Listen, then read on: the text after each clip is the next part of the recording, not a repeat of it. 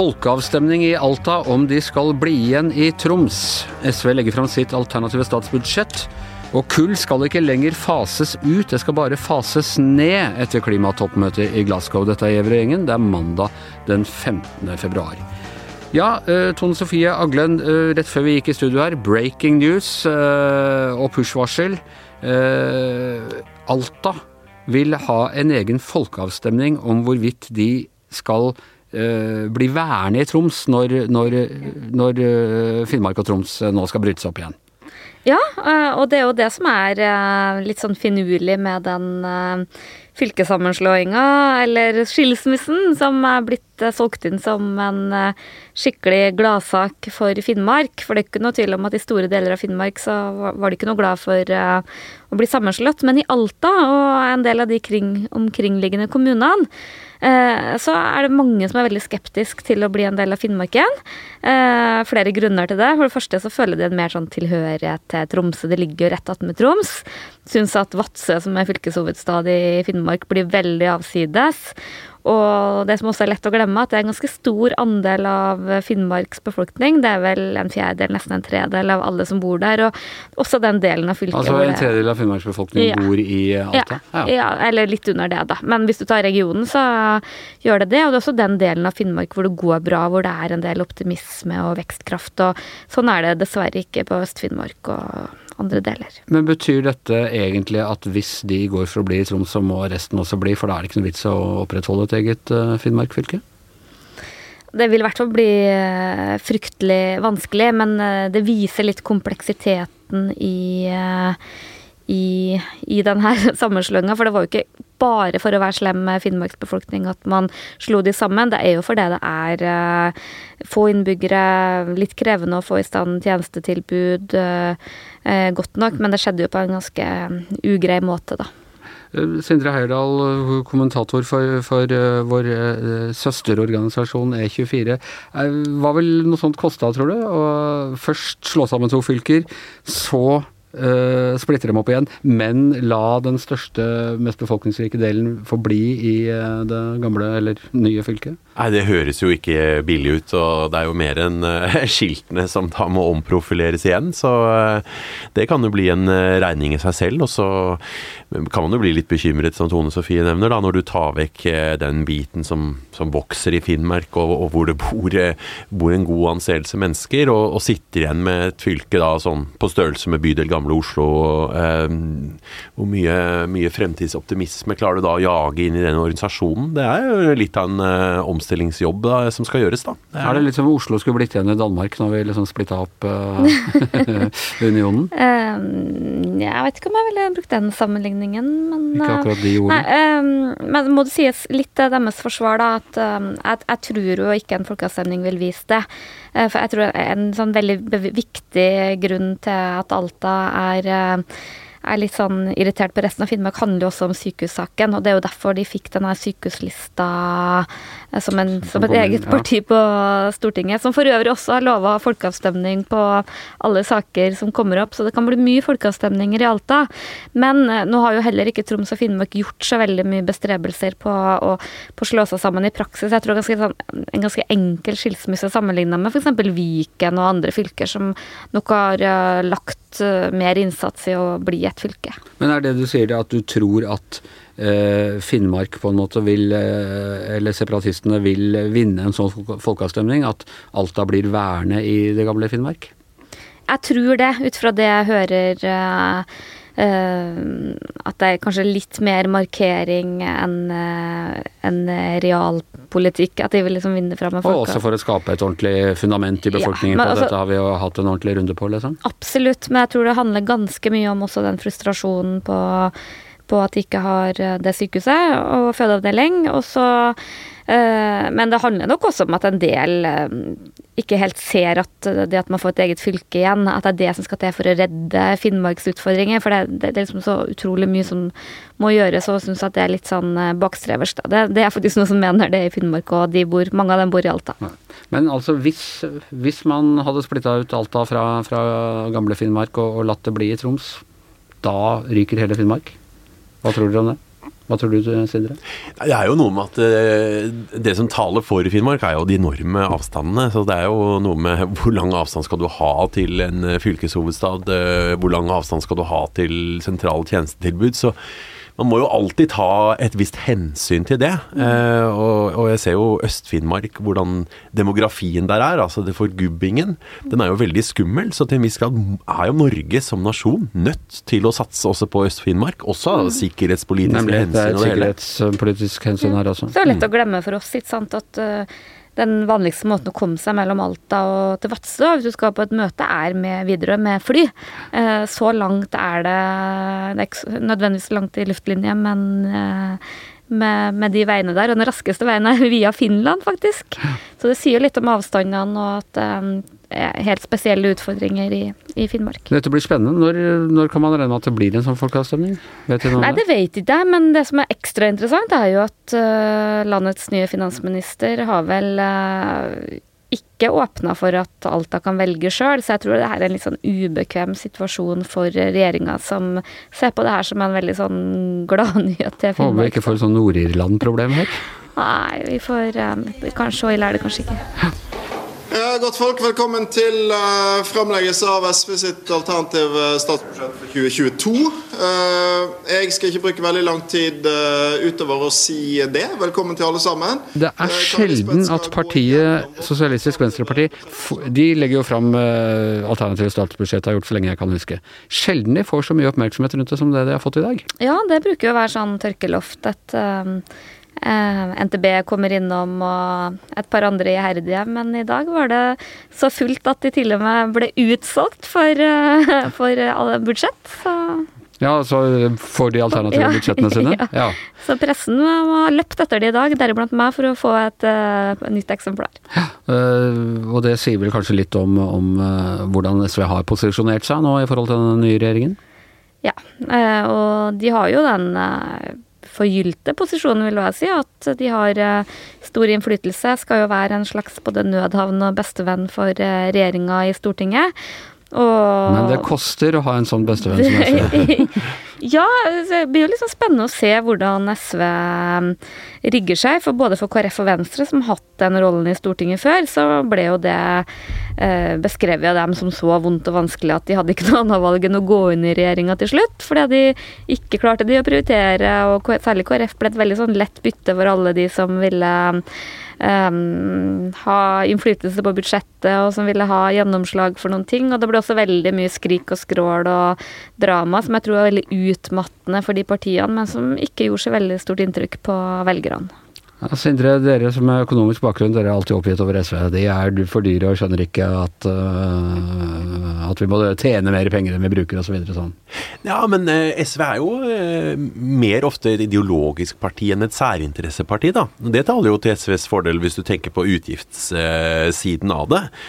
Mange småpartier må ofte mer helle til særinteresser enn kanskje SV som ser det litt mer sånn store ideologiske bildet. Så det er ikke noe galt med at Altså det er jo ikke noe veien for at SV kan være et ansvarlig finanspolitisk parti, som mange andre. 23 milliarder tror jeg var rammen på, på, på økningen av, budsjettet. Er det, er det en forsvarlig økning? Ja, men ja, det er jo Men det er nesten blitt en, eh, en sedvane det på Stortinget at eh, disse mindretallsregjeringene som vi stort sett har, eh, må, må bla opp eh, mye penger for å smøre budsjettene. Gjerne mye oljepenger òg, for å få det til å gå rundt og til å finne et flertall eh, på Stortinget. Så det, det er jo ikke bra for, for, for landet om vi stadig øker denne oljepengebruken, som vi stort sett har gjort hele tiden, med, med et unntak selvfølgelig fra at vi nå gikk litt ned fra dette kriseåret 2020, men fortsatt er altså oljepengebruken langt over nivået i 2019. Og det ser dessverre ikke ut som eh, det som nå skal rose i land, eh, blir noe særlig bedre heller. Er dette innenfor handlingsregelen? Nei, men Fordelen med SV da, det er jo, det er jo at de um, henter jo mye av sine utgifter på økt skatt. Og det kan man jo mene mye om, men eh, det er nå i hvert fall en, eh, en ærlig prioritering. Eh, Men jeg tror de vil slite med å få gjennomslag for så store skatteøkninger som de ønsker, for det er nettopp pga. Arbeiderpartiets skatte- og avgiftsløfte. Så jeg tror ikke det eh, går i hop, så, så, tror jeg det er én ting som er usedvanlig viktig for SV å få igjennom, og det er eh, på klima. Jeg, jeg, tror det er helt umulig for de å støtte en regjering som innrømmer at de kutter mindre utslipp enn det Erna Solberg og co. gjorde.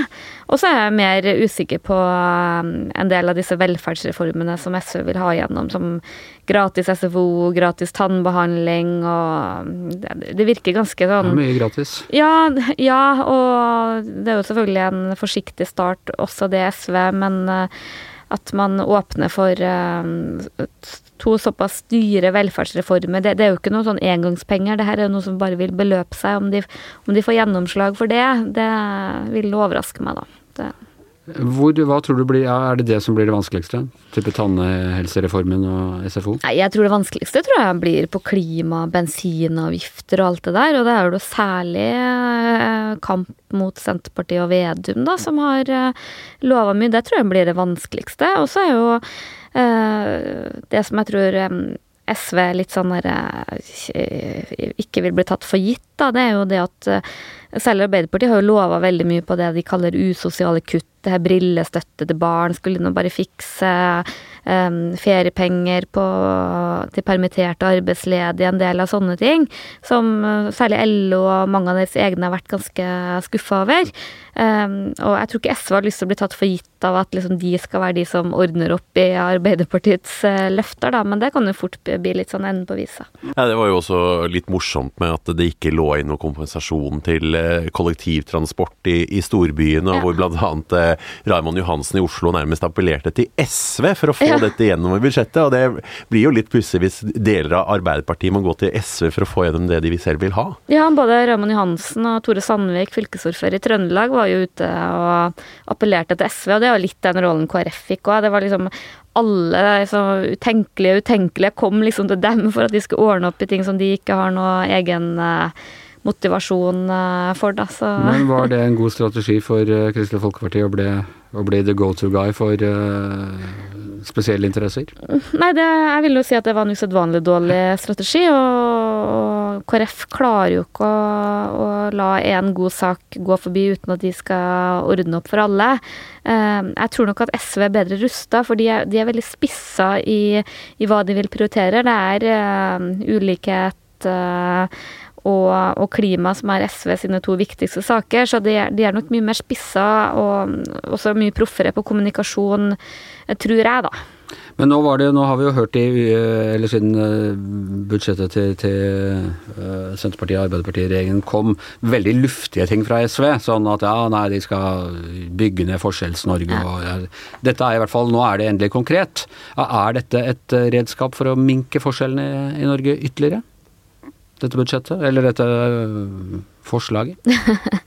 Nå har ikke jeg um, gått gjennom alt, og, men de legger jo inn veldig mye av disse ordningene som de mener at uh, Solberg-regjeringa kutta. Så synet på hva som er riktig skatteprofil og sånn, de, de, mener vel helt sikkert det. Men en, en, ting jeg tror kanskje SV vil ta, da, det er jo den her kutt i elavgifta, som uh, mange har stilt spørsmål ved. Man kutter nesten tre milliarder. Det var vel det største enkeltgrepet uh, Arbeiderpartiet og Senterpartiet gjorde eh, for å hjelpe vanlige folk med strømregninga, men det er jo et usedvanlig lite treffsikkert virkemiddel. For, det, for, for, det, for, den gjengse så betyr det ikke all verden, det er vel en 500-700 kroner. Og det går også til folk som slett ikke har fått så høye strømpriser? Absolutt, det er liksom hele landet hvor det, det er jo noen deler av landet hvor det er mye høyere, og så er det heller ikke noe incitament til å spare på strøm. Det er jo de som virkelig har eh, store, trekkfulle hus som får mest igjen, og ikke de som bor i en liten leilighet og prøver. Så det, det er veldig mye. Dette går ikke SV med på? Jeg, blir overraska om ikke de ønsker å bruke de pengene mer målretta for å utjevne forskjeller. Mm. Hva tror du, Sindre, er dette et budsjett som kan uh, minske forskjellene i Norge? og gjøre det bedre å bo i dette landet vi alle er så glad i? Ja, jeg har ikke fått sett på detaljene ennå, men, eh, men, det er jo klart at eh, det de gjør på skatt og sånn, det er jo nærliggende å tenke at det bidrar litt til å, til å minke forskjellene. Men eh, jeg tror som Tone Sofie var inne på, at det kanskje vi, betydeligst ser, er jo at SV er veldig klare på retorikken når det gjelder klima. Og de nevner til stadighet at Erna Solbergs eh, budsjett var bedre for klima, og da må jo åpenbart SV eh, rette opp i dette. Og da er det jo mange grep innen det som vi trolig vil se endringer på. Og blant annet så er jo da altså elavgiften veldig dårlig for å utjevne forskjeller. Det er vel tvert imot.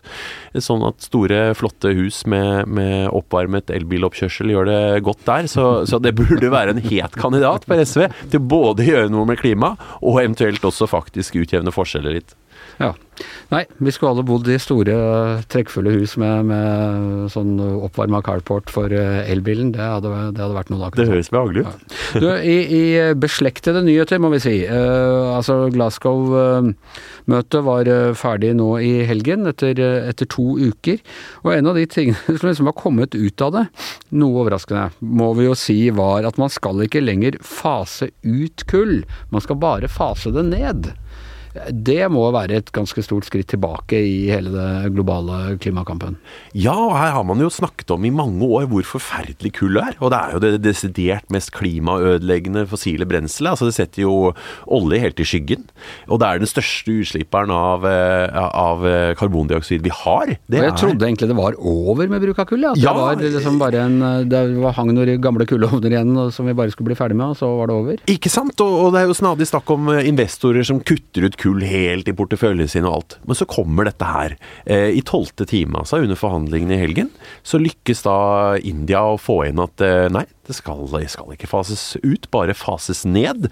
Og så har det kommet avsløringer nå eh, i Bloomberg blant annet i dag også, om at faktisk så har både Kina og USA i kulissene også oppmuntret India da til å, stå på kravene her. og jeg vil også si da, samtidig i India, Magne viste meg her i stad, stenger de skolene en uke nå pga. luftforurensninga i, eh, i Delhi. Ja, er, og kull tar jo forferdelig mange liv i ja. året. Det er en for grusom luftforurensning. Så, og, og, det etterlater jo sår i naturen som får monstermaster til å se ut som en Vigelandsfigur. Så det, det, er jo ganske absurd, dette her. Jeg har vært og sett i Kentucky, faktisk, hvor de drev med sånn mountaintop removal for å få ut kull. De, litt brutalt sagt, de kutter bort øh, fjelltoppen tar ut kullet, og så prøver de liksom å bygge opp igjen ved å slenge på litt sand og strø på litt uh, gress og sånne ting. Det er noe av det jævligste jeg har sett. Pynte på glasuren, det ja, høres stygt ut. Ja, pynte på arret, liksom. Sånn, uh, helt forferdelig. Men dette er et ganske stort skritt tilbake for den globale klimakampen? Ja, det er, det er jo vanskelig. at Glasgow er mislykka? Ja, altså, det er vanskelig å alt dette. Altså, det var jo en del meningsfulle tiltak de gjorde på andre felt. Men skal verden i en grønn retning, så er det jo åpenbart at vi må ha mindre kull. Ehm, men jeg tror kanskje vi må, vi må, se videre og ikke bare skylde på de som holdt på nå i Glasgow. fordi det er jo dessverre at vi står i en energikrise nå, hvor nye kullkraftverk åpnes stadig vekk i, i India, i Kina, mange steder i verden, selv i Europa. Eh, og det skyldes jo i stor grad at vi har investert for lite i grønt, i vind og sol i mange år, og antagelig også at vi har underinvestert i olje og gass. Så har vi havnet i denne situasjonen, og det var kanskje naivt av oss å håpe på noe bedre når, eh, når eh, energiprisene er skyhøye og, og, mange land, særlig fattige land, eh, mangler energi ofte, dessverre. Er dette, Tone Sofie, Hvordan tror du dette vil spille ut for, for norsk politikk? Vil dette gi miljøbevegelsen mer energi, holdt jeg på å si, altså bedre argumenter, eller, eller vil det på en måte passivisere fordi det liksom viser at vi kommer ingen vei med disse store spørsmålene?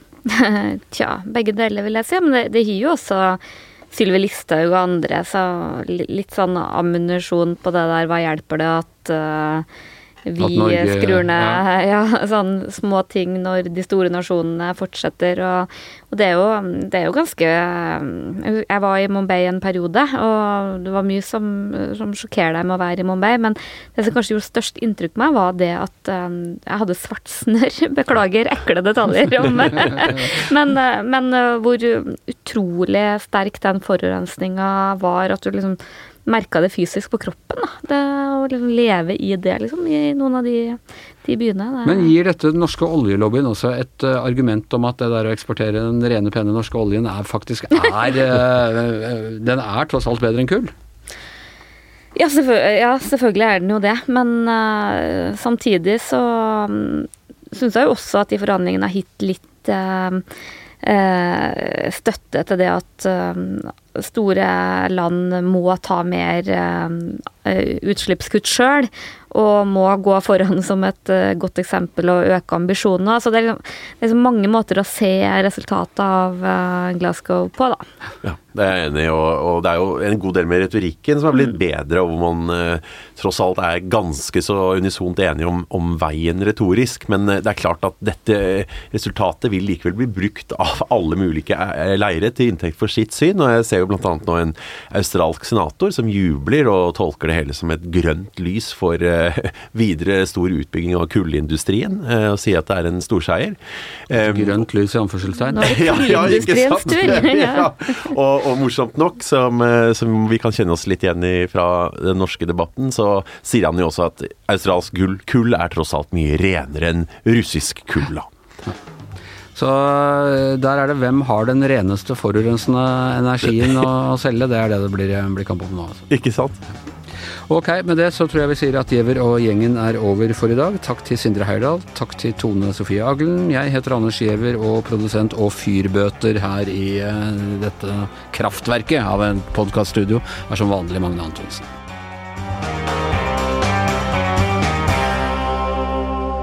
Du har hørt en podkast fra VG.